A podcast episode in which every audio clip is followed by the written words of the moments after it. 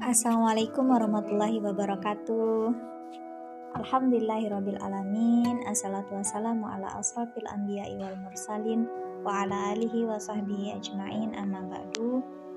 Alhamdulillah malam hari ini akhirnya saya bisa membuat podcast lagi. Sebelumnya gimana nih kabarnya teman-teman pendengar setia podcast Suara Bawa Perubahan Semoga seperti biasa ya doa yang selalu saya panjatkan untuk teman-teman semua Semoga selalu dalam keadaan sehat walafiat, diberikan keberkahan umur dan tentunya eh, apa pun planning-planning Antuna, semoga yang Antuna selalu lantunkan, yang selalu Antuna doakan di dalam setiap doa-doanya bisa tercapai. Amin amin ya robbal alamin. Oh iya teman-teman, podcast suara eh, podcast mendengar suara bawa perubahan malam hari ini uh, saya ingin uh, menceritakan uh, terkait dengan uh, apa yang saya dapatkan di forum kajian via Zoom tadi ya bersama dengan Ustadz Fatih Karim. Alhamdulillah tadi pembahasannya tentang uh, kekuatan iman. Nah, jadi teman-teman uh, pasti penasaran kan dengan tema uh, kita malam hari ini. Ya, jadi tadi itu membahas tentang kekuatan iman. Nah, uh, pertama kali disampaikan bahwasanya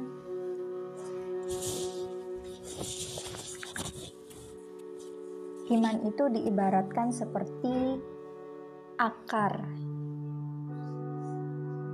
yang kemudian dia itu benar-benar uh, kuat ya yang menghujam ke bawah.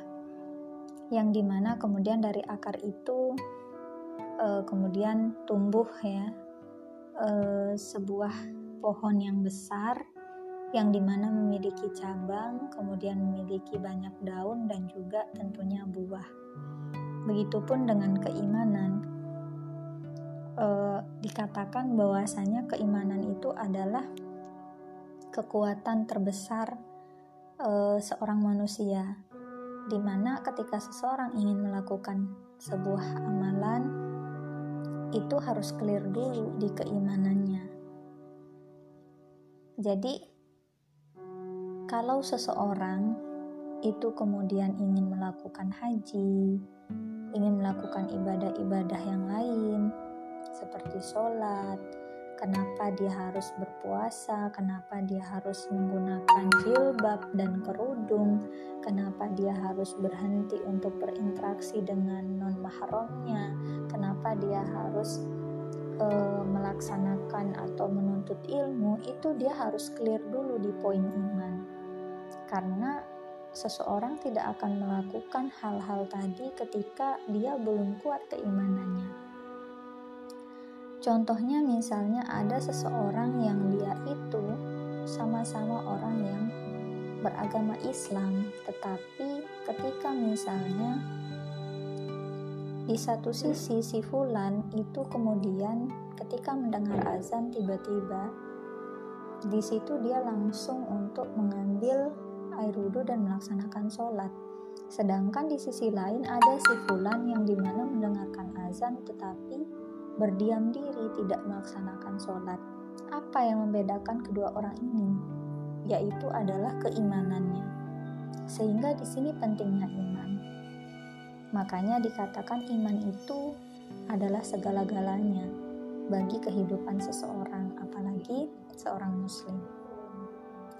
So, di sini pelajaran yang bisa kita ambil ketika seseorang itu ingin berubah, maka atau dia sudah berhijrah, maka hal yang harus dipelajari oleh seorang itu adalah ilmu tentang akidahnya, why-nya, kenapa ya dia berislam, kenapa dia itu kemudian menyembah Allah, kenapa dia itu harus sholat, kenapa dia itu harus menutup aurat dan lain sebagainya, itu akan terjawab ketika dia sudah menjawab terkait dengan why-nya. Kenapa? Nah, di situlah pentingnya belajar ilmu tauhid dulu. Sehingga dikatakan bahwasanya kajian itu tidak mesti hanya yang bersifat umum saja, tetapi harus ada sebuah kajian yang bersifat khusus yang dia itu materinya terstruktur. Nah, sehingga di sini eh, teman-teman jika teman-teman ingin kuat, jika teman-teman ingin istiqomah dalam hijrah, ya, ada beberapa tips yang kemudian diberikan. Yang pertama, tips yang diberikan adalah selalu istiqomah dalam tolabul ilmi. Selain di dalam Islam itu diperintahkan atau diwajibkan untuk melakukan tolabul ilmi, dikatakan bahwasanya tolabul ilmi faridatun faridatun kulil muslim wal muslimat Menuntut ilmu itu wajib bagi setiap muslim dan muslimat. Jadi menuntut ilmu itu tidak hanya diperuntukkan bagi laki-laki saja misalnya, tapi kuluha untuk seluruhnya. Selain itu adalah uh, kewajiban ya.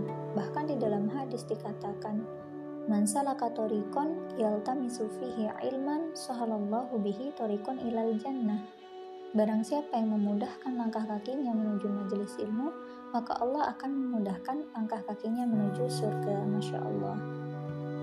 Nah, itu pertama. Jadi, istiqomahlah, teruslah menuntut ilmu.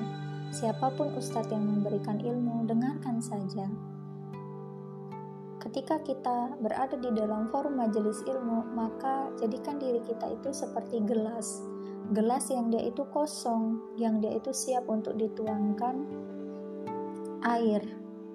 Jadi, siapa pun yang akan mengajarkan kita, maka kita berusaha untuk benar-benar membuat diri kita seperti kosong. Bahkan dikatakan, apabila kita mendengarkan seseorang yang menyampaikan sesuatu, padahal kita lebih mengetahui dari orang yang menyampaikan sesuatu, tapi ketinggian adab seseorang itu adalah ketika dia berusaha untuk mendengarkan orang tersebut dengan penuh seksama padahal dia lebih tahu dari orang yang menyampaikan. Itu adalah ketinggian adab seseorang. Oke, jadi tips pertama adalah istiqomah dalam menuntut ilmu. Yang kedua, yang kedua itu adalah banyak-banyak kemudian yang namanya mengingat kematian. Jadi, kita diperintahkan untuk selalu mengingat yang namanya kematian. Kulun nafsin za'iqatul maut. Jadi setiap yang bernyawa pasti itu akan mati, akan merasakan yang namanya kematian. Jadi teman-teman ingat ketika teman-teman memiliki uh, rasa keterputusasaan dalam hidup, ingatlah kematian karena dengan mengingat kematian itu pemutus kenikmatan ya. Bahkan kita akan merasa bahwasanya kita harus beramal lebih pada hari itu juga ketika kita mengingat kematian. Jadi eh, saya cerita aja nih ya teman-teman. Biasanya kalau misalnya nih saya tuh lagi pengen sesuatu dan saya tidak punya untuk membeli sesuatu, biasanya ingat kematian. Jadi rasanya sesuatu yang saya inginkan itu tiba-tiba uh, ter apa ya bahasanya ternetralisir gitu. Jadi agak sedikit berkurang. Karena kita tadi tahu bahwasanya keinginan kita itu kayak sirna ketika kita mengingat kematian. Dan kita juga berusaha untuk beramal yang terbaik pada hari itu juga jadi itu tips yang kedua ingat mati kemudian yang ketiga itu adalah banyak-banyak berdoa. Jadi masya Allah ya, Ustadz tadi menyampaikan kita disuruh untuk banyak-banyak berdoa karena tidak ada doa yang tidak terkabul. Ya.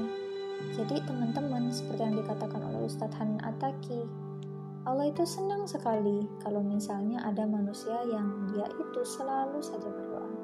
Allah senang ketika manusia itu banyak meminta, jadi bukan seperti kita dengan sesama manusia ketika kita banyak minta kadang dia jengkel. Tapi kalau Allah ketika diminta itu senangnya minta ampun, Masya Allah ya. Jadi sering-seringlah kita berdoa, Ya Allah, aku ingin ini ya Allah. Bahkan dikatakan ketika seseorang berdoa, hatta yang dia doakan itu adalah terkait dengan mengadukan bahwa sendalnya itu putus itu sampai segitunya kita diperintahkan untuk berdoa. Makanya doa itu adalah senjata bagi kaum mukmin. Oke, jadi itu tips yang ketiga. Kemudian yang keempat itu adalah bergaul dengan orang-orang yang solih, solihah. Jadi lingkungan itu sangat mempengaruhi, teman juga mempengaruhi. So, saat ini bukan berarti kita melarang untuk tidak berteman dengan siapa pun, tidak. Tetapi kita lebih uh, apa ya bahasanya lebih memperbanyak bergaul dengan orang-orang yang selalu mengajak kita untuk berada dalam ketaatan yang mengingatkan kita ketika kita salah dan tentunya uh, pembahasan yang dibahas juga tentang kebaikan yang mengajak untuk berpastabikul khairat dalam kebaikan jadi itu tips yang keempat nah jadi untuk malam hari ini itu yang saya dapatkan dari kajian yang saya ikuti tadi. So teman-teman pendengar setia podcast Suara Bawa Perubahan, semoga apa yang saya sampaikan ini bermanfaat untuk kita semua dan bisa menjadikan diri kita lebih baik lagi.